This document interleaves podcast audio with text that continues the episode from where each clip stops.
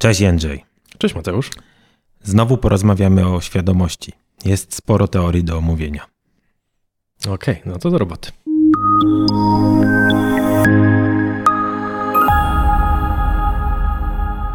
Okej, okay. E, to ja myślę, że możemy podzielić sobie te e, teorie na takie dwa, dwie grupy. Mhm. Pierwsza to będą tak zwane ogólne teorie świadomości, a druga to już będą takie bardziej szczegółowe rozstrzygnięcia. E, czym, po, po, czym je odróżnimy? Pierwsze będą e, za, z bardzo dużym rozmachem formułowane, mhm. e, zresztą zaraz do tego, do tego dojdziemy, a te bardziej szczegółowe, one w większości, zwłaszcza te współcześnie cenione e, będą opierały się na jakichś wynikach badań empirycznych, mhm. jakichś takich hipotezach, znowu też z, ze sporym rozmachem formułowanych, no bo temat jest taki, natomiast gdzieś tam opartych na jakichś konkretnych wynikach badań e, empirycznych. I teraz jeden z tych problemów, które zaznaczyliśmy, jak ostatnio e, próbowaliśmy tą świadomość rozpracować, to był ten, ten problem no tak naprawdę skąd ona się bierze w świecie materialnym. No i czy stół jest świadomy. No i czy stół jest świadomy. No, prawda jest taka, że naszym ukrytym celem w całym tym podcaście to jest po prostu ustalenie tej jednej rzeczy. Więc ci z Państwa, którzy mają jasną odpowiedź na to pytanie, oczywiście z nami zostają, żeby przekonać się, czy nasza odpowiedź będzie taka mhm. sama jak ich, prawda? E, Okej. Okay. E, to ja proponuję zacząć może od dualizmu. E, czyli takiego podejścia, że e, no tak, jest w świecie to, co materialne, jest tego sporo. E, stół się kwalifikuje. Zasadniczo wszystko, o co można się kopnąć, e, mhm. się kwalifikuje. E, ale nie jest tak, że to, co materialne, jakby się odpowiednio skonfigurowało, to wystarczy do tego, żeby powstało to, co mhm. świadome i mentalne tak? Czyli świadomość to jest jakiś taki osobny, e, świadomość i inne mentalne zjawiska, tak? Bo to też niekoniecznie musimy mówić tylko o tym. No to jest e, taka, taka, taki drugi podstawowy budulec rzeczywistości, w której e, funkcjonujemy. Jak tam z popularnością dualizmu w dzisiejszych czasach? No, chyba słabo. Za czasów Kartezjusza chyba lepiej było. No i rzeczywiście pomysł jest taki, że to, co świadome, czy to, co umysłowe i to, co zajmuje miejsce w przestrzeni, jak to mówiłeś, można się kopnąć, to dwie kompletnie niesprowadzalne do siebie rzeczy. I w człowieku się jakoś te dwie rzeczywistości spotykają. No, Kartezjusz twierdził, że nawet zwierzęta nie mają umysłu czy świadomości i są takimi materialnymi robotami, a u człowieka jakoś to się spotyka. No i intuicyjnie może się wydawać, że ten pogląd jakoś gra, no bo świadomość doświadczamy pierwszoosobowo, nie możemy się o nią kopnąć, na zestawem jest inaczej, no ale znowu powstaje pytanie, no dobra, ale jak to jest, że te moje świadome myśli y, jakoś sprawiają, że ja ręką ruszam? I z drugiej strony jak ty mnie kopniesz, mam nadzieję, że nie, no ale dobra, no jak mnie kopniesz, no to ja świadomie poczuję się kopnięty. W sensie będę miał te odczucia związane z tym, więc jakby jeśli przyjmiemy, że te dwie rzeczywistości, świadoma, nieświadoma, są kompletnie inne, no to sorry, ale żeby to grało, to musimy jakoś wyjaśnić, jak one ze sobą no, się spotykają, jak wchodzą w interakcję. No i tu Kartezjuszowi nie poszło. Moim zdaniem mało komu poszło. Okej. Okay. Czyli tym podstawowym problemem dualizmu jest właśnie to takie rozdzielenie, tak? Czyli mhm. jakby sobie pogrupować zjawiska i mamy te dwa koszyki. Mamy te, to, co świadome i mentalne, i to, co fizykalne. Mhm. To jest tak, że e, na przykład zdarzenie kopnięcia się w stolik e, goleniem jest e, rozpisywalne na komponenty, które wpadają do jednego mhm. i do mhm. drugiego, bo stolik do jednego, a moje doświadczenie tego nieprzyjemne do drugiego. Ale problem dualizmu pojawia się w momencie, w którym trzeba zapytać, jak te rzeczy wchodzą ze sobą tak w interakcję. Jest, jak się łączą. Okej. Okay. No to dobrze, a, y, a pan psychizm pomoże? Pan psychizm podobno ostatnio modny jest. Książki nowe na ten temat mhm. powstają. To najpierw powiemy, co to jest, a potem zadamy sobie pytanie, e, czy i dlaczego to jest e, wyraz bezradności. Tak, no w, w, różnych, w różnych ujęciach ten panpsychizm ma się różnie, natomiast w takiej formie chyba takiej najbardziej podstawowej można powiedzieć, że jakieś cząsteczki świadomości są wszędzie. Cząsteczki mówiąc oczywiście metaforycznie, no ale jakieś porcje świadomości są we wszystkich zjawiskach, Tyle, że, znaczy we wszystkich rzeczach, czyli tak, w stole są jakieś części świadomości, tyle, że no, ci pan psychiści, których ja jakoś tam kojarzę z dyskusji filozoficznych, jednak skończą na tym, że stół nie ma takiej świadomości jak my, dlatego że te cząstki świadomości nie są odpowiednio skonfigurowane. Dokładnie. I jak one się skonfigurują w mózg, no to wtedy no, jesteśmy nami, czy, czy mamy jakieś świadome myśli, odczucia yy, i tak dalej.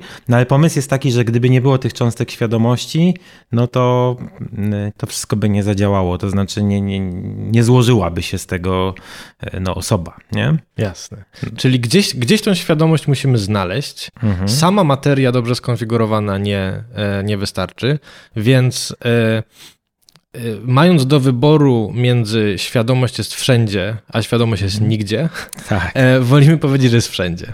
Taki pomysł. Tak, no i... i stąd jakby etymologicznie ten panpsychizm, no to to jest właśnie to z greckiego od pan, czyli mhm. wszystko wszędzie i psyche, czy tam umysł i, tak, dusza, tak, tak? tak? Czyli jakby gdzieś ten, gdzieś ten umysł e, i dusza są te, te takie, takie mhm. elementy jego rozproszone w całej rzeczywistości i to, co oni nazywają własnościami mentalnymi, tak jak własności fizyczne, takie jak masa czy mhm. energia, no to one są właśnie gdzieś tam szeroko, e, szeroko rozdystrybuowane. I dokładnie to, o czym, o czym powiedziałeś. Ja mam wrażenie, że jak krótko przeglądałem takie różne publikacje e, współcześnie panpsychistyczne, no to mm. taka fraza, za którą oni się najczęściej chowają, to jest ta fraza some degree of consciousness. Tak, tak. tak. tak? Czyli, czyli jakby E, no przecież nikt tutaj nie będzie mówił, że stół jest świadomy. Że stół jest tak samo świadomy jak twój kot, nie? Tak. tak. Natomiast, y, y, natomiast znowu, żeby ta świadomość gdzieś tam taka skomplikowana, e, na jakiej my doświadczamy,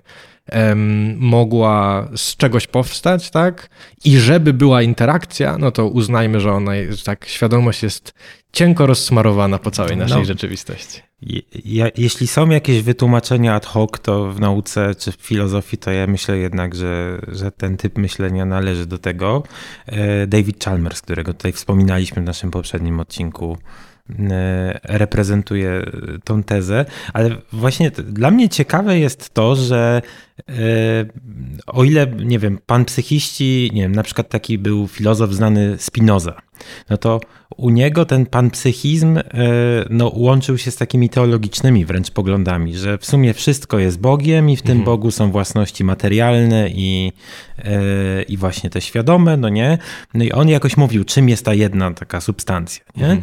Natomiast e, jakby współcześni ci filozofowie jakby nie mieszają takich kwestii teologicznych mhm. z, tym, z tym związanych i mówią, to jest dla mnie bardzo ciekawe, ja tego nie jestem jakoś w stanie zakapować, e, że to nie jest jakiś pogląd taki nienaukowy. Oni próbują to łączyć z nauką. Nawet e, Chalmers, e, dla mnie to jest trochę takie no sprzeczne, ale dla niego nie, że to jest dualizm naturalistyczny, że to się przecież da wszystko ładnie wytłumaczyć, że mózg który jest świadomy, mózg, mój mózg dajmy na to, bo już ustaliliśmy, że tylko ja wiem, że, że mam e, świadomy mózg, a co do innych nie jestem w stanie odgadnąć, e, no przecież wyewoluował, jest, jest produktem ewolucji, więc jakoś daje się połączyć ten dualizm i to, że to jest jakiś stopień, nie wiadomo jaki, nie wiadomo, mówiliśmy atomy świadomości, ja mówiłem, tak. no ale to w takie wielkie cudzysłowie, to nie są oczywiście atomy w tym sensie takim fizycznym, to są atomy metafizyczne jakieś. No, ale one też w jakiś sposób y, wiążą się z przyrodą. Dla mnie problematyczne. Dla Mateusza problematyczne. Ci z Państwa, którzy e, czują się komfortowo ze swoim panpsychizmem, są proszeni o to, żeby w YouTube'owych komentarzach Mateuszowi na szybko wytłumaczyć, dlaczego. E, Przekonajcie mnie Państwo. Może, może się Mateusza uda. do panpsychizmu. Mnie się łatwo przekonuje do różnych rzeczy, więc. Okej. Okay. E, chyba taka teoria jednak najczęściej spotykana w Mhm. dzisiejszych czasach i jakaś taka najpopularniejsza, y, no to jest y, fizykalizm czy materializm. Mhm. Czyli koncepcja jest taka, że e, jakkolwiek historia na ten temat będzie musiała być bardzo skomplikowana, Mhm. to e, w świecie jest tylko to, co materialne. Mhm. E, nie mamy nic więcej niż bardzo skomplikowane konfiguracje tego, co materialne. I jeżeli świadomość albo jej iluzja nam towarzyszą, Mhm. to one będą wynikiem właśnie jakiejś takiej konfiguracji. No i o teoriach, jakby się to miało dziać, sobie y, jeszcze porozmawiamy. No ale pomysł jest tutaj taki, że świadomość to nie jest coś spoza świata materialnego. To nie jest coś, co jest w jakiś dziwny sposób y, niedostępny nauce, no bo to tak, tak to wyglądać by miało, y, wszczepione w ten świat. No, świadomość to jest jakaś własność. Tutaj znowu y, i filozofowie, i niektórzy naukowcy zasłaniają się terminem, z którym ja też mam jakiś problem w tym Mm. kontekście. Słowo takie emergencja się pojawia, nie?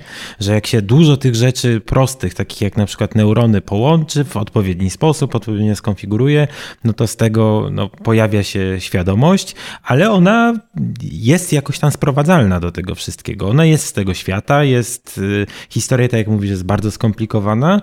E, My oczywiście nie znamy tej historii do dzisiaj, to musimy wprost powiedzieć. No, gdyby tak było, gdybyśmy znali historię, to byśmy nie wrzucili tego tematu do naszego podcastu, no bo mamy pytania, tak? To jest podcast o tym, czego nie wiemy. Tak, tak, tak, tak. No ale muszę, znaczy to jest tak, że y, jedną, tutaj taką małą muszę zrobić woltę w tej naszej dyskusji, Okej. że y, to omawiasz stanowiska, tutaj pr- przytaczasz stanowiska takie no, metafizyczne, Mhm. No nie? No i y, o ile mi wiadomo, no większość naukowców raczej sympatyzuje z tym poglądem. Natomiast y, jak przyciśnie się ich, to raczej będą mówić, że my badamy świat tak, jakby tego nie było, że przyjmujemy Mhm. jakąś taką formę metodologicznego naturalizmu. Tyle, że powiedzmy sobie wprost, wydaje mi się, że takie y, stwierdzenie, że jak jestem naukowcem, to badam wszystko tak, jak było materialne, a Mhm. potem sądzę, że jednak jestem dualistą, wydaje mi się dość nienaturalnym połączeniem. Znaczy, no, większość ludzi, którzy są fachowcami od świadomości, no jednak jest po prostu naturalistami czy fizykalistami w tej materii. No tak, to też jest takie, e, taka obserwacja może e, około akademicko-społeczna, czyli Mhm. jeżeli jakiś specjalista od e, jakiegoś rodzaju badań e, empirycznych Mhm. pozwala sobie na znowu wzięcie głębokiego wdechu, szerokiego rozmachu i orzeczenie czegoś na Mhm. temat świadomości, to zwykle dzieje się po tym, jak jego naukowa kariera już Tak. dobrze, dobrze poszła przez wiele lat. Mhm. Jest już w takiej pozycji, że artykuły prawie same się piszą kolejne i Tak. teraz można zastanowić się nad tym znowu. No, niektórzy mówią nawet o syndromie noblowskim takim. No, dokładnie. przecież Crick, jeszcze się nam pojawi tutaj e, odkrywca, współodkrywca helisy DNA, no, na emeryturze zajął się świadomością. Roger Penrose, noblista, no tutaj sprzed kilku lat z fizyki tym razem, nie z biologii i medycyny, no, też ma bardzo mocne poglądy na ten temat. No ale zostawmy to. na Dowód na to, że e, jak ktoś się chce zabrać za świadomość, to musi sobie na to przeznaczyć sporo czasu. Więc ci z Hmm. Państwa, którzy nie będą oglądali na emeryturze Breaking Bad, mogą sobie zaplanować e, dogłębne badania nad Tak naturą jest. świadomości.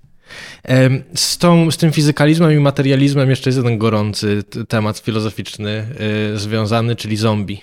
Mhm. E, no bo jest sobie ten argumencik e, związany z tym, jak to jest możliwe, że em, świadomość jest w, jakiś, w jakimś sensie koniecznym wynikiem specyficznej konfiguracji fizycznej, skoro ja sobie z łatwością tutaj mogę usiąść z, e, z tobą rozmawiając i pomyśleć o takim bycie, który jest e, zombie Mateuszem, zachowuje się jak Mateusz, kiwa głową e, w życzliwy sposób, jak e, ja tutaj próbuję e, Państwa do czegoś przekonywać. Sam ma do powiedzenia ciekawe rzeczy o świadomości, a jednak nie ma nic takiego, jak, jak to jest być Mateuszem. Po prostu tam jest pusto w środku. I to nie jest pusto w środku znowu w takim sensie fizycznym, bo jest mózg, są wszystkie, wszystkie rzeczy fizyczne działają tak, jak mają pracować, no ale no nie ma kwaliów, tak? Nie ma mhm. tych, tych własności właśnie doświadczeniowych. Mhm. No i teraz różnie ludzie reagują na ten argument, ale chyba jeden z takich, e, z takich no nie wiem, przynajmniej dla mnie przekonywujących e, strategii odpowiedzi na, na, na, ten argument, to jest taki, że no okej, okay, ale jakby pomyśleć, to jesteśmy sobie w stanie. No właśnie. Mnóstwo rzeczy. Dokładnie. I znowu wracając do tej książki Being You Anila Seta, która, którą Państwu polecam. E, on tam bardzo fajnie się z tym e, zagadnieniem rozprawia, bo on mówi, że jesteśmy w stanie sobie pomyśleć Beinga lecącego do tyłu po niebie. No po mhm. prostu Proszę sobie zamknąć oczy, zobaczyć błękitne mhm. niebo, na którym znajduje się Boeing i e, to, co jakby częścią tego doświadczenia to jest to, że, że ten Boeing po prostu leci sobie dokładnie po, po linii prostej do tyłu. Mhm. I jesteśmy w stanie to pomyśleć, ale, ale no, to jest jakby wyjaśnienie tego, jak samoloty latają. No to ja też anegdotą opowiem. No, e, profesor Peżanowski, taki słynny logik krakowski, też autor słowa kognitywistyka, on twierdził, że nie ma najmniejszego problemu, żeby sobie wyobrazić kwadratowe koło. No, tak, być może, być może on potrafi coś, czego, czego ja nie mam. E, no i z grubsza rzecz biorąc chodzi o to, że rozstrzyganie e, ważnych problemów przez to, że jesteśmy sobie w stanie coś wyobrazić albo nie, nie potrafimy tego, no to jest raczej słaba strategia. Jasne. To ostatnia z tych takich ogólnych teorii. E, powiedz nam coś o funkcjonalizmie. Co to jest z mhm. tym funkcjonalizmem? Bo on się, to jest tak, że, że on często jest w jednym tchem wymieniany z fizykalizmem, gdzieś tam w tych rejonach, tacy raczej rozsądniejsi ludzie mhm. niż tacy z szerokim zamachem. Jak, jak Ale jest? niektórzy też powiedzą, że fizykaliści są dualistami, tylko takimi krypto, że ukrytymi. Okay. Nie, no pomysł jest taki, że E, świadomość to nie jest jakaś rzecz, czy umysł to nie jest jakaś rzecz. To, to, jest raczej jakaś funkcja, coś, co się dzieje, coś, co e, może być robione na różnych podłożach. Mówiąc krótko, my nie możemy powiedzieć, że ta funkcja jest tożsama E, z podłożem, albo w tym, czym jest, tak, używając takiej terminologii e, e, komputerowej, że nie jest tym, w czym jest zainstalowana. I to trochę, zresztą taka analogia komputerowa u mnie jest tutaj nieprzypadkowa. Mm. No tutaj byłoby tak, że umysł jest jak program, Umysł, jest, umysł ma, się, ma się tak do mózgu, jak program do fizycznej struktury komputera. No, mhm. no, że każdy program można zainstalować na e, różnych komputerach. Oczywiście, e, co rozsądniejsi powiedzą, że są jakieś ograniczenia tego, że to nie jest tak, że na każdym komputerze. No i tutaj analogicznie miałoby to działać. To nie jest tak, że E, że świadomość to będzie coś, co będzie działać na każdym podłożu. Tak. No tutaj John Searle, taki filozof e, aktualnie niesławny z, z powodów powiedzmy pozamerytorycznych, e, drwił z tej koncepcji, że no to w takim razie świadomość by można zainstalować w jakiejś strukturze złożonej z puszek po piwie. No nie, ci funkcjonaliści nie mówią aż tak. Zdają sobie sprawę, że są ograniczenia, natomiast pomysł jest taki, że ta funkcja mogłaby spokojnie być zainstalowana na jakichś złożonych krzemowych mózgach. Czyli tak. no, jak ktoś jest takim fanem sztucznej inteligencji, i taki w bardzo mocnym sensie tego słowa, że sztuczna inteligencja nie tylko będzie wyglądała na mądrą, ale będzie świadoma, to zazwyczaj będzie funkcjonalistą w jakimś sensie tego słowa, że e, można tak rozpracować tą funkcję, że można będzie ją zainstalować i zaimplementować na różnych podłożach. No i to jest pogląd, e, i to jest pogląd rzeczywiście e, często łączony z takimi fizykalistycznymi stanowiskami, ale niektórzy mówią, że skoro to jest aż tak niezależne od podłoża, no to witaj Kartezjuszu, tylko w szatach sztucznej inteligencji, nie? Jasne. Okej. Okay. E, problemy, problemy się mnożą. E, natomiast e, od tych ogólnych, takich bardziej sposobów zarysowania, gdzie mniej więcej tej świadomości można by było szukać, spróbujmy przejść do omówienia kilku takich bardziej szczegółowych teorii. Oczywiście nie będziemy się w nie zagłębiać przesadnie, chcemy po prostu Państwu, że tak powiem, poszerzyć kontekst tego, jak próbuje się szukać tej świadomości, zwłaszcza w jakichś konfiguracjach mhm. tego, co fizyczne, to mniej więcej o jakich tematach e, zwykło się e, mówić. I pewnie e, warto zacząć od tego zagadnienia tak zwanych neuronalnych korelatów świadomości. Mhm. Tak? To się wiąże z nazwiskami Francisa Cricka i Christopha Kocha. No i to jest ta koncepcja, tak, że stany neuronalne stają się świadome, kiedy odpowiednia liczba neuronów zaczyna oscylować w jakimś podobnym mhm. rytmie, są ze sobą E, zsynchronizowane i zintegrowane. Tak, i no tutaj te badania nad neuronalnymi korelatami świadomości, Crick razem z Kochem, Koch neuronaukowiec, Crick, jak już wiemy, noblista, odkrywca, współodkrywca helisy e, DNA, E, no zwykle e, te badania dotyczyły świadomości wzrokowej, to znaczy kiedy sobie uświadamiamy coś, e, co widzimy, no bo przecież możemy zareagować na coś jeszcze przed uświadomieniem, albo w ogóle możemy sobie w automatycznym trybie na coś zareagować. No i tutaj pokazywali na czym polegają właśnie oscylacje, na czym polega struktura połączeń między korą przedczołową i korą wzrokową.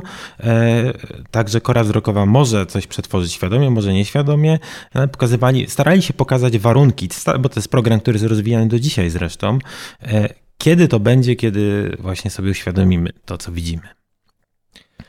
Okej, okay, czyli, czyli ten temat e, istnieje, badania się e, są prowadzone na ten temat, a trochę niezależnie od takiego poszukiwania mhm. właśnie bardziej na, na takim poziomie rzeczywiście samych już neuronów i, i ich aktywności, pojawiają się takie trochę szerzej kognitywne e, teorie dotyczące tego, e, skąd ta świadomość się bierze i co ona robi dla nas. I pierwszą grupą tych teorii to są tak zwane reprezentacjonalistyczne e, teorie świadomości.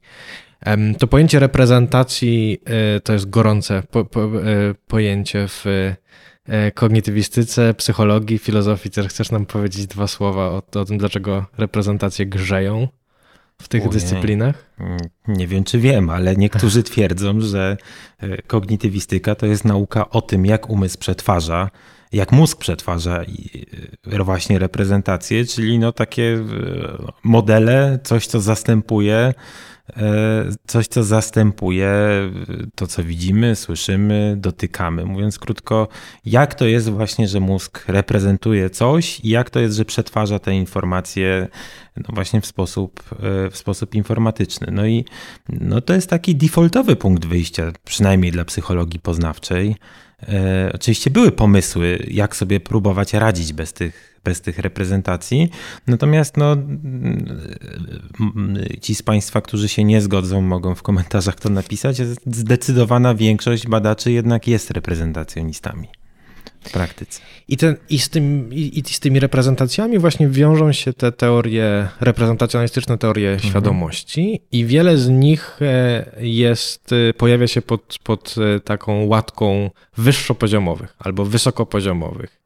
I to gdzieś się, pewnie nawet wcześniej, ale ja tutaj sobie znalazłem, że już John Locke miał takie, miał, taka, miał takie stwierdzenie, że świadomość to percepcja tego, co przepływa przez czyjś umysł. Mhm. Tak? Czyli zakładamy, że, że te nasze takie funkcje poznawcze i zachowania, te, którymi zajmowa, zajmuje się, zajmują się proste problemy świadomości, te rzeczy, które robimy zarówno umysłem, jak i rękami i nogami w świecie, one się wiążą z jakimś, e, jakimiś reprezentacjami, z których niektóre e, nie, niektórym z nich możemy się przyglądać tak właśnie drugopoziomowo. Tak? My mhm. je z wyższego poziomu reprezentujemy, mhm. te reprezentacje, które kontrybuują do tych wszystkich naszych zachowań i działań. Mhm. No i tak na przykład David Rosenthal w takiej koncepcji, którą na polski można przetłumaczyć jako teoria myśli wyższego rzędu, na przykład Higher Order Theory, mówi, że Wtedy sobie uświadamiamy coś, kiedy mamy taką metamyśl, czyli y, mówiąc tak swobodnie, kiedy mamy myśl o myśli. To, że ta pierwotna myśl nie jest jeszcze sama w sobie świadoma. No, musi zostać ponownie e, przetworzona. No i tak, umysł się nam przedstawia tutaj jako no, taka kaskada e, wiedzy na temat wiedzy, jeśli można tak to powiedzieć. Czyli jakbyśmy się zastanowili nad jakimś takim bardzo codziennym i potocznym doświadczeniem, na przykład doświadczeniem patrzenia na czerwone jabłko, mhm. tak? No to e, powiedzielibyśmy, że treścią tego doświadczenia jest nie tylko coś, co można by było przetłumaczyć na pojęciowe i mhm. potocznie językowe, jako to jest czerwone, ale też właśnie doświadczam tego jako czerwone, tak? tak? Jakiś, tak, taki, tak, tak. jakiś taki dodatkowy poziom. No ale z tą teorią e, jak z wszystkimi innymi wiążą się problemy. I jedno z takich pytań e, to jest pytanie o to, czego wymaga zdolność wyższopoziomowego reprezentowania sobie czegoś, tak? Bo zgodziliśmy się już, że no chyba byśmy się tutaj pobili, gdybym powiedział, że twój kot nie jest świadomy. E, dzieci są, e, dzieci są świadome, chcielibyśmy obronić jakąś koncepcję, mhm. w której z grubsza e, dzieci wypadają w świadomości w okolicach, tak? Przynajmniej mhm. w okolicach osób dorosłych. Więc teraz e, pytanie, jeżeli do tych metareprezentacji na przykład wymagane byłyby jakieś zdolności pojęciowe, no to czy już małe dzieci je mają, czy zwierzęta je mają, a może to jest powód, żeby od tego ujęcia pojęciowego uciekać? To znaczy, zależy, co będziesz rozumiał jako pojęcie, oczywiście. Jeśli pojęcia będą dla ciebie powiązane z etykietami językowymi, no, czyli mówiąc krótko, nie masz pojęć, póki nie masz języka, to, no to, to, to kota i małe dzieci wyrzucisz z obrębu istot świadomych. E, natomiast no, mnie się wydaje, nie tylko mnie, to jest absolutnie żaden mój autorski pomysł, e, w takich koncepcjach psychologii poznawczej e, dotyczących tego, jak my właśnie kategoryzujemy, tworzymy pojęcia, no to wydaje się, że pojęcia to są jakieś agregaty neuronalne doświadczeń, mhm które, okej, okay, no widzę jakieś obiekty, które są podobne, postrzegam, postrzegam, postrzegam. E, uczę się tego, że one mają różne aspekty. Nie tylko, że je widzę, ale też dotykam, że one są zapachowe i tak dalej. No i tym doświadczeniom towarzyszą mi jakieś aktywacje mózgowe. No i, e, i mój mózg się uczy grupować podobne jako podobne. I to są właśnie pojęcia. Tak twierdzi na przykład Larry Barsalo. Oczywiście, jak dodamy do tego etykietkę językową, to znaczy ty mnie nauczysz, że to jest kot, no to ja zyskuję dodatkowe y, y, y, możliwości. To znaczy mogę powiedzieć, o, kot jest ssakiem, mogę go skategoryzować, albo w ogóle jest zwierzęciem, nie? że jest czworonogiem i tak dalej, i tak dalej. I bez tego, bez tej warstwy językowej bym no, był uboższy o to, ale no, Larry Barsalo by powiedział, że to nie jest tak, że bez języka nie masz pojęć. Okej. Okay. To ja proponuję teraz przejść jeszcze do takiej. Zgrupowałbym trzy y, teorie świadomości, takie bardziej mhm. szczególne, jako takie, które zastanawiają się nad tym, czym jest świadomość, trochę w duchu takiego pytania, mm, co po pierwsze wiąże taką wielorakość tych przeróżnych stanów, których doświadczamy i które są naszym udziałem, i z drugiej strony pytania, które z nich są w jakiś sposób e, wyciągane na plan pierwszy tak? Mhm. Bo to lokowskie przyglądanie się, oglądanie swojego, tego, co się dzieje w moim umyśle, no to ta, tam jest taki aspekt, który gdzieś tam dzisiaj może się wielu osobom kojarzyć z jakimiś e, takimi zagadnieniami około uważnościowymi, tak? Mhm. Że jest, wyobraź sobie, że jest strumień twoich myśli i teraz przyglądaj się myślom pojawiającym się em, e, przed twoimi oczami twojej wyobraźni w tym strumieniu. Oczywiście to, o czym mówimy, jest jakby przeniesione na trochę poziom niżej, tak? Bo to jest tak, że wiele rzeczy, które robię, jak nie wiem, e, opróżniam zmywarkę, to jest bardzo dużo automatycznych różnych działań, które nie są e, w centrum mojej uwagi i nie są naświetlone przez, przez moją świadomość, bo na przykład się zastanawiam o tym, nad tym, o czym dzisiaj będziemy rozmawiać. E, ale, ale ten aspekt właśnie wyłaniania się tego świadomego z, z morza nieświadomych e, gdzieś tam będzie widoczny zarówno w tej teorii wyższopoziomowego związania e, Thomasa Metzingera, w teorii globalnej, teori, te, teoria globalnej przestrzeni tak. roboczej, to jest druga, no i jest model wielorakich szkiców Daniela Deneta. To najpierw bardzo krótko o Metzingerze. Tam koncepcja jest taka właśnie to wyższopoziomowe związanie, no to to jest ta koncepcja świadomości jako tego, co unifikuje albo syntetyzuje, tak? Czyli e, ona w tym sensie też nie jest czymś dodatkowym, tak? Ona jest jakimś specyficznym rodzajem organizacji tego, co już jest. E, jak to jest z globalną teorią przestrzeni roboczej? No tutaj pomysł jest taki, że jak mówimy przestrzeń robocza, no to w psychologii zazwyczaj się to kojarzy jakoś z pamięcią roboczą. E, nie chcę się tutaj rozgadywać, natomiast e, nie myślmy w tym kontekście o pamięci jako zapisie czegoś przeszłego. Pamięć robocza e, w jednej z takich koncepcji Alana Badleya i współpracowników jest takim szefem wszystkich szefów. Przypomina trochę nawet zwykle e, ludzie kojarzą to z pamięcią RAM w komputerze, to jest kompletnie błędne. Mhm. Lepiej to kojarzyć z pamięcią podręczną procesora. Okay. Ona jest, ona jest, y, no nie ma zbyt wiele tej pojemności. Naraz może zmieścić się tam niewiele jednostek, ale ona jest w procesorze. Tak. To jest zdolność do aktywnego manipulowania e, informacjami. Mhm. Teraz pomysł jest taki, że to, co jest świadome, wiąże się właśnie z dostaniem się tych informacji do obszaru roboczego, tylko że ten obszar roboczy nie jest fizyczny. To nie jest mhm. tak, że to jest jakaś, jakiś kawałek mózgu, który my możemy, nie wiem, w fMRI zobaczyć, albo w jakiejś sekcji postmortem powiedzieć, o tutaj nieboszczyk właśnie miał e, swój globalny Roboczo obszar. zapamiętany. Znaczy oczywiście, y, oczywiście są hipotezy na ten temat i są modele przepływu informacji między korą przedczołową a, y, a strukturami tam kojarzeniowymi, czyli nie wiem, korą e, ciemieniową, e, asocjacyjnymi. E, natomiast pomysł jest taki, że istnieje, jest sporo informacji, które, albo używając języka, który ty wprowadziłeś, jest sporo reprezentacji, które w jakimś sensie są konkurencyjne i na niektóre z nich y, no, ten reflektor y, uwagi, który jakoś tam jest też powiązany z tą pamięcią roboczą, może się zwrócić, no i to one zostają uświadomione. Nie? Taki, e, taki pomysł. No i tam się to też próbuje wytłumaczyć. O tym mówiłem troszkę. E, ja teraz mogę wyjść na kompletnego ignoranta w tej sprawie, natomiast koncepcja, na przykład mówiliśmy o neuronalnych korelatach świadomości Krika i Kocha. Jak mówiliśmy o, e, jak mówiliśmy o teorii myśli wyższego rzędu Rosenthala, czy teraz jak myślimy o właśnie koncepcjach tych globalnych przestrzeni roboczych Barsa, Deana jeszcze tam kilku innych Francuzów, Hmm.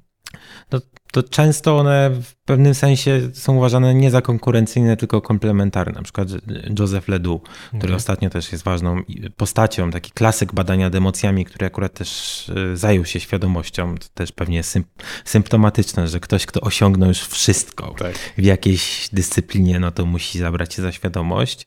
No on raczej mówi tak, że to jest jasne, że nasz mózg robi masę rzeczy nieświadomie i je reprezentuje. I musi się znaleźć jakiś klucz do tego, że część tych informacji jest reprezentowana. Nie? No, jest reprezentowana w sposób świadomy. E, I on mówi, że niezależnie którą z tych trzech koncepcji gdzieś sobie tam weźmiemy, zresztą myślę, że on by powiedział, wrzuciłby do tego worka też koncepcję Metzingera, o której wspomniałeś. Okay. Tak sądzę, przynajmniej zgaduję w jego mm -hmm. myślach. E, on by się starał raczej pokazać, jakie są konieczne warunki. To znaczy, on by powiedział, że jest konieczna e, szereg transmisji i retransmisji między obszarami, które są aktywnie zaangażowane w percepcję czegoś, a obszarami. Yy, przedczołowymi i ciemieniowymi, które są odpowiedzialne za kojarzenie i są, no, nazwijmy to, już powiedziałem, że nie można tego tak łatwo szukać, ale są tym siedliskiem pamięci roboczej. Okay.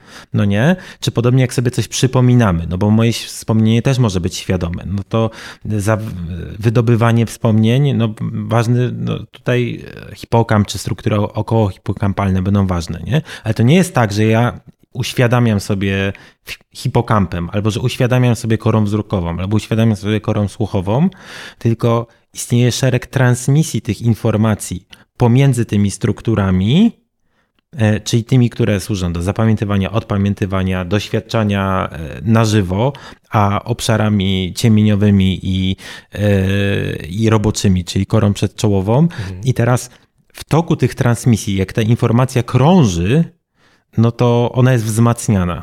Okay. I na pewnym poziomie tego wzmacniania odpala się, o, to jest świadomość. Fajne, tylko że znowu, jak mówiliśmy w tej dyskusji, e, że do pewnego stopnia, prawda, w tej, tak. dyskusji, w tej dyskusji dotyczącej panpsychizmu, nie? nie? Nie chcę powiedzieć, że to jest panpsychizm, absolutnie nie o to mi chodzi. Natomiast no, podanie warunków jakichś koniecznych i wystarczających, żeby o, po tylu transmisjach między tymi strukturami, na czym by miały polegać te transmisje, też jest metafora, tak. to są teorie neuronaukowe, to są mm. teorie neuronaukowców i one są wspierane przez pewne eksperymenty, natomiast no, tutaj to absolutnie nie jest tak, że my wszystko wiemy. Czyli to jest to podstawowe pytanie w odniesieniu do tych teorii, to jest pytanie, dlaczego jest tak, że właśnie na te, a nie inne procesy ten reflektor świadomości mhm. pada, wyłania je dla nich i możemy je obserwować. Tak, reflektor to jest jedno, ale ostatnio jest też y, inna metafora jest modna, e, nie tyle oświetlania, co raczej osłabiania, okay. że, e, że być może to, co jest nierelewantne, jest wygaszane, że wiele informacji jest przetwarzanych równolegle, a ta, która dojdzie do głosu, to mm. nas gdzieś prowadzi do Daniela Deneta trochę.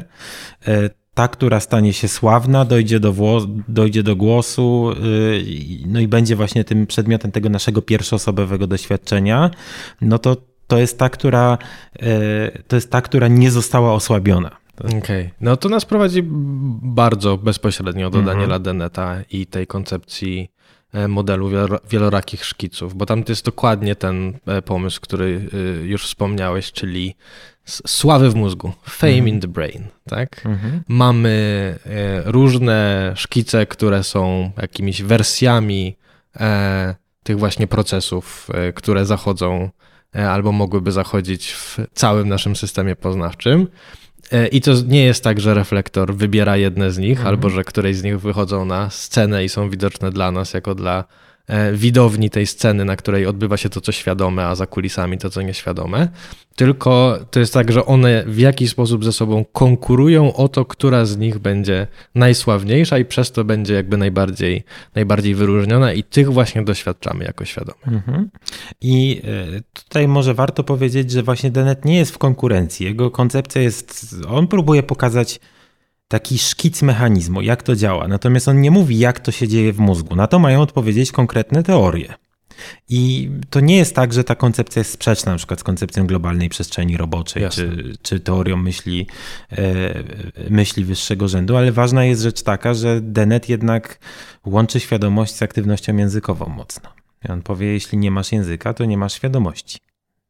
To jest ta, ten aspekt y, też narratywności tak, i tego tak. centrum centrum narracyjnej grawitacji, gdzie jakoś powstaje ja, tak? Bo to jest też tak, że mhm. ten temat świadomości, o tym mówiliśmy troszeczkę w kontekście samoświadomości, e, to, to świadomość też kontrybuuje do doświadczania siebie jako mhm. siebie, tak? Tak, tak. E, znowu w jakiej strukturze wspomnień, w jakiej strukturze rozpoznawania siebie jako podmiotu działającego w różnych kontekstach i tak dalej. No tutaj jeszcze, jak już tak Y, się pochyliliśmy nad Denetem. Zresztą moim zdaniem to jest jeden z takich, nie powiem filozofów, powiem naukowców, dlatego mhm. że no on jest filozofem przede wszystkim, ale bardzo multidyscyplinarnym człowiekiem jest i jego jakby koncepcje mają echa w różnych dyscyplinach. Y, to on wprowadza, no właśnie, co on wprowadza? On wprowadza metafory. On myśli metaforami, czy się komuś to podoba, czy nie. Tak. Y, I on ma taki pomysł, zgodnie z którym e, e, Wiecie, wiesz, ty na pewno wiesz, wielu naszych słuchaczy, jak słucha tego kanału, to pewnie też jakoś się to obiło. No, często się porównuje umysł do maszyny Turinga, prawda? że to jest coś, co oblicza. No i tutaj Dennett mówi, hej, maszyna Turinga to jest coś, co działa krok po kroku, przetwarza informacje właśnie tak krok po kroku, sekwencyjnie. Tak. Nie? E, on mówi tak, mózg to jest maszyneria, która przetwarza wiele informacji naraz. Mhm. On mówi parallel distributed processing, tak. czyli o obliczenia, które są równoległe, rozproszone. Tam się naprawdę wiele dzieje. I w pewnym sensie nasza świadomość to jest maszyna Turinga, taka działająca krok po kroku, która jest programem zainstalowanym na, która jest programem zainstalowanym na tym takim rozproszonym hardware'ze, nie? E, to jest trochę na tej zasadzie, że no wiemy, że jak sobie puścimy film na komputerze, to się dzieje bardzo dużo w tym komputerze, no ale hmm. akurat, ale akurat ta sekwencyjność nas interesuje i nie zwracamy uwagi na inne rzeczy. No i tutaj Dennett mówi, e, to jest moim zdaniem dość ciekawy kontekst, on właśnie wprowadza taki kontekst kulturowy, mhm. że, że, że ta maszyneria świadomości to nie jest jakiś bezpośredni produkt y, mm, doboru naturalnego. Oczywiście, gdyby nie dobór naturalny, to wszystko by nie zadziałało, ale ta maszyneria, e, myślenie takie sekwencyjne o sobie, o rzeczach, których doświadczamy, no jest kulturowe. Okej. Okay. Dobrze, Dwie ostatnie rzeczy na koniec. Jedna bardziej szalona, druga trochę mniej szalona. Przynajmniej w moim e, e, subiektywnym odczuciu. Zapraszamy do komentowania i niezgadzania się z naszymi wątpliwościami. Kwantowe teorie świadomości. Ja powiem trochę złośliwie, a ty potem powiesz, dlaczego to jest zbyt złośliwe i to jest mhm. dobre. Nie. bierzemy dwie rzeczy, o których nie wiemy, jak działają. Świadomość i stany kwantowe. Mhm. I mówimy, o, dobrze się złożyło, mhm. że ostatnio warto się zastanawiać i często się zastanawiamy nad tymi dwoma mhm. E, z, z wiralowymi, że tak powiem, mhm. tematami naukowymi.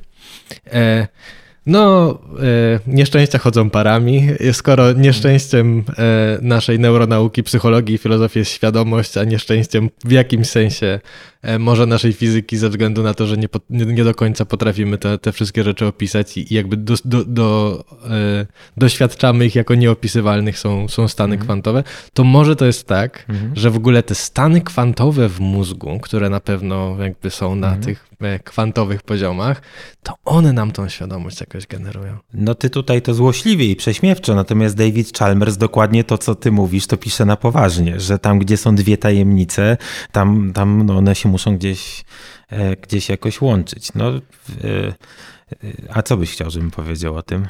Nie wiem, ja żartuję, że, że można o tym powiedzieć coś e, znaczy ja trochę mogę opowiedzieć, i, bo ten sposób myśl, bo za tym sposobem myślenia stoi wielu naprawdę bardzo poważnych i zasłużonych Pewnie. naukowców, nie? No, e, chyba pierwszym Chyba pierwszym z nich jest, był Sir John Eccles, który no, miał niezwykle ważny wkład do e, neurofizjologii i on z filozofem Karlem Popperem napisał takie no, to miszcze Self and its Brain, jaźń i jej mózg, e, w którym bronił pewnego poglądu dualistycznego, właśnie mówiąc o jakichś takich atomach świadomości i on je nazywał psychonami, żeby było mm. śmieszniej. E, to pan psychizmem już nam zna. Trochę, trochę tak, ale on się, nie, raczej takie, raczej tam podzielmy sobie, raczej nie, raczej podzielmy sobie kartezjańską, kartezjańską jaźń na jakieś, okay. na jakieś mniejsze elementy i zastanówmy się, jak one e, oddziałują na mózg. Tutaj pomysł jest taki, że e, mózg to nie jest coś, co tworzy świadomość, tylko mózg odbiera świadomość. Może tak. I wręcz ta świadomość koordynuje jakoś ten mózg. Mhm. No i on twierdził, e, i on twierdził, że do tego, do tego trzeba wprowadzić zjawiska kwantowe, że te oddziaływania dzieją się na poziomie, oni, przepraszam, no bo to i Ekles, i że one się dzieją na poziomie synaptycznym. No i to fizycy bardzo skrytykowali, dlatego że e, potrzeba odpowiedniego środowiska. Tu w ogóle nie chcę wchodzić w buty, które nie są moje i gdzieś, gdzie jestem kompletnym ignorantem. No, nie, nie, chcę tego robić. Natomiast pomysł jest taki, że nie ma środowiska, w którym te stany kwantowe by mogły zadziałać. E, że te układy są otwarte i to. Temat podjął Roger Penrose, nasz noblista bardzo niedawny, e, no, wybitny kosmolog, matematyczny, fizyk i tak dalej. I on twierdził, że e, budulcem neurona, czy twierdził, to jest oczywistość, że jeden z budulców neuronów są tak zwane mikrotubule, one tworzą cytoszkielety e, i one są takimi rureczkami. I w tych rureczk, i te rureczki są dostatecznie izolowane. On współpracuje z takim gościem, który się nazywa Stuart Hammeroff. One są na tyle izolowane, że tam mogą, e, tam, tam mogą się dziać stany kwantowe, bardzo to teraz upraszczam, i one mogą ze sobą wchodzić w taką synchronizację, oscylację, i stąd się pojawia świadomość. Taki pomysł. Oni mają jakieś argumenty na to, e, nie chcę rozstrzygać, czy ta koncepcja jest na obrzeżu nauki, czy jest absolutnie poza nauką. To, mhm. to nie, nie, na ten moment. Ale już alternatywa jest specyficznie zakrojona. No, ja tylko... Z jakiegoś powodu nie powiedziałeś, że jest w samym sercu nauki. Nie, na pewno nie jest w sercu nauki. E, ale co jest ciekawe, do, jak e, Penrose o tym zaczął e, pisać, bo napisał książki całe o tym przecież, Jasne. nie? Nowy umysł cesarza, nie, nie wiem, Cienie umysłu. Takie inspirujące są te książki, nie? No tutaj powiem klasykiem. Michał Heller mówi, że jak Penrose się myli, to czasem jest ważniejsze niż jak ktoś w nauce ma rację. I, i chyba jemu chodzi o to po prostu, że, że tak on zupełnie krytykuje zresztą e, tą koncepcję i nie, nie, sympatyzuje, ale raczej chce powiedzieć, że e, Penrose jest ojcem wielu inspirujących idei. No i te idee zostały podjęte przez tych wszystkich w zasadzie, e, przez osoby, które krytycznie bardzo E, przez Deneta, przez, e, nie wiem, przez twórców tych modeli świadomości, których omawialiśmy jakoś. I oni nie powiedzieli, to jest bzdury, tylko zaczęli punktować, dlaczego my się z tym wszystkim nie zgadzamy. Więc w pewnym sensie ci specjaliści od, od świadomości gdzieś wzięli to do dyskusji. Nie? Okay. No jaki jest ten problem? No ja jednak, od, ja jednak jestem bardzo przyziemny. Mnie, mnie, e, nie, mnie bardziej interesują pytania, jak to jest, że jak ja sobie, jak podejmuję decyzję, to wybieram coś, albo jak, chcę, jak sobie pomyślę, zaraz podrapię się za uchem, to chcę wytłumaczyć, jak to się dzieje w moim mózgu, no to ta koncepcja jest absolutnie ślepa na takie rzeczy. Że ona odpowiada na pytanie z grubej rury, znaczy odpowiada. No moim zdaniem nie odpowiada i to by można tam jakoś dekonstruować, odpowiednio krytykować.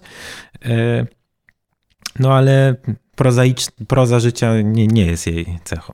Okej. Okay.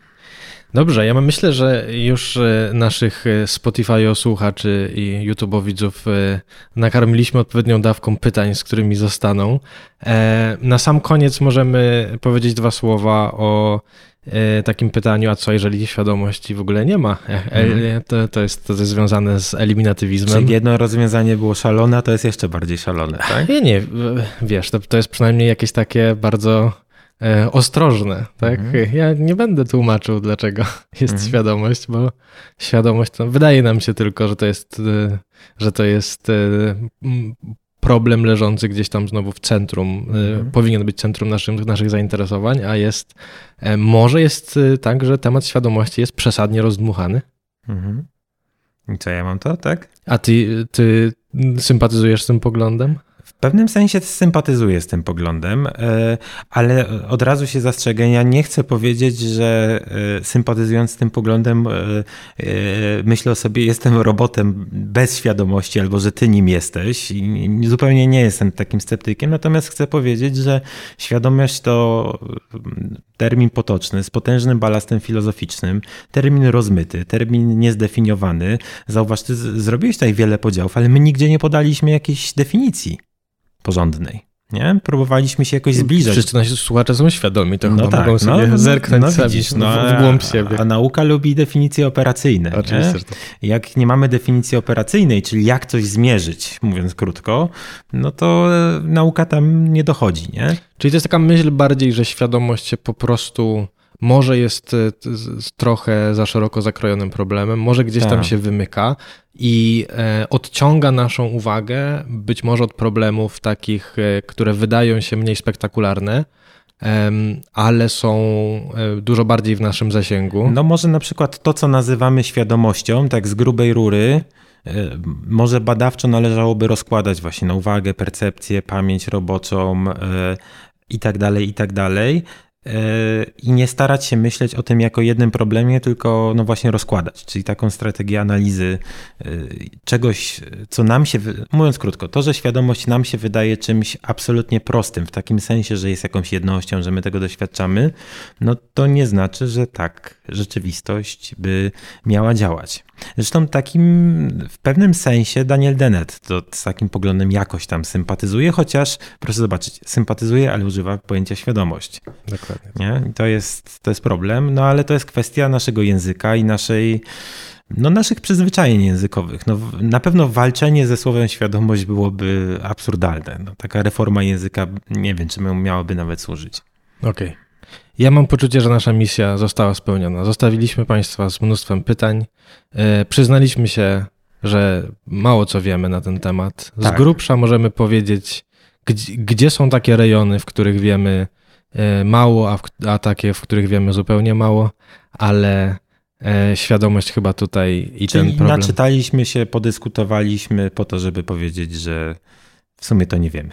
Zapraszamy do komentowania, zapraszamy do subskrybowania, zapraszamy do e, słuchania kolejnych odcinków, w których zajmiemy się tematami może mniej spektakularnymi sp- E, na pierwszy rzut oka niż świadomość, e, ale nie mniej fascynującymi. Em, Ale nie mów jakie, bo inaczej się nie zgłoszą słuchacze. nie powiem. Proszę sobie sprawdzić samemu. Pozdrawiamy wszystkich. Kłaniamy się.